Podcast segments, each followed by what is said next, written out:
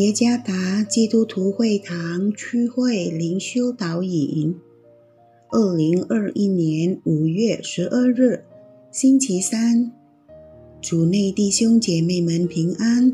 今天的灵修导引，我们要借着圣经提摩太后书第一章第五节来思想今天的主题：信仰的传承。一，作者。朱思杰传道，提摩太后书第一章第五节，想到你心里无伪之信，这信是先在你外祖母罗以和你母亲有尼基心里的，我深信也在你的心里。不久前曾有一份很吸引人注意的应用程序，我的继承物。这应用程序广为人知，是因为它的独特性，既能将照片改变成活动的视频。目前有很多人采用它，使他们前辈的旧照片能够活动和微笑。不少的人深受感动，因为这个应用程序。似乎能让人与已故的长辈重温过去的回忆。信仰的传承乃是提摩太长辈所继承的其中之一，这促使提摩太成为一个神得力的仆人。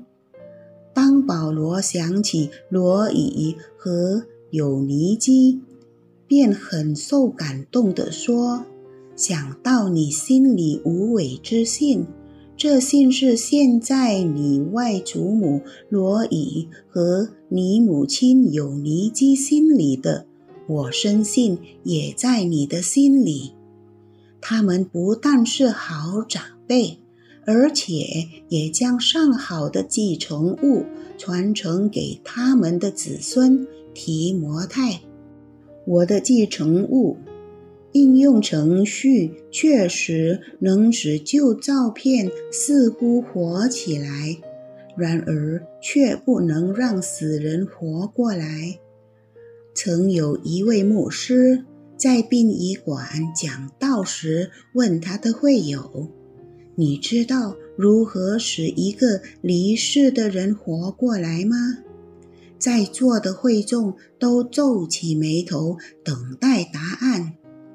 能有什么方法呢？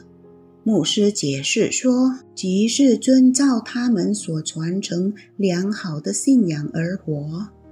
现今时代，大部分父母都在思想将什么遗产传给后代，是否信仰的传承也成为其中之一，甚至为优先的选择呢？切记。”世上财物的传承即会很快消失，然而信仰的传承将持久，直到永恒。世上财物的传承即会很快消失，然而信仰的传承将持久，直到永恒。主耶稣赐福。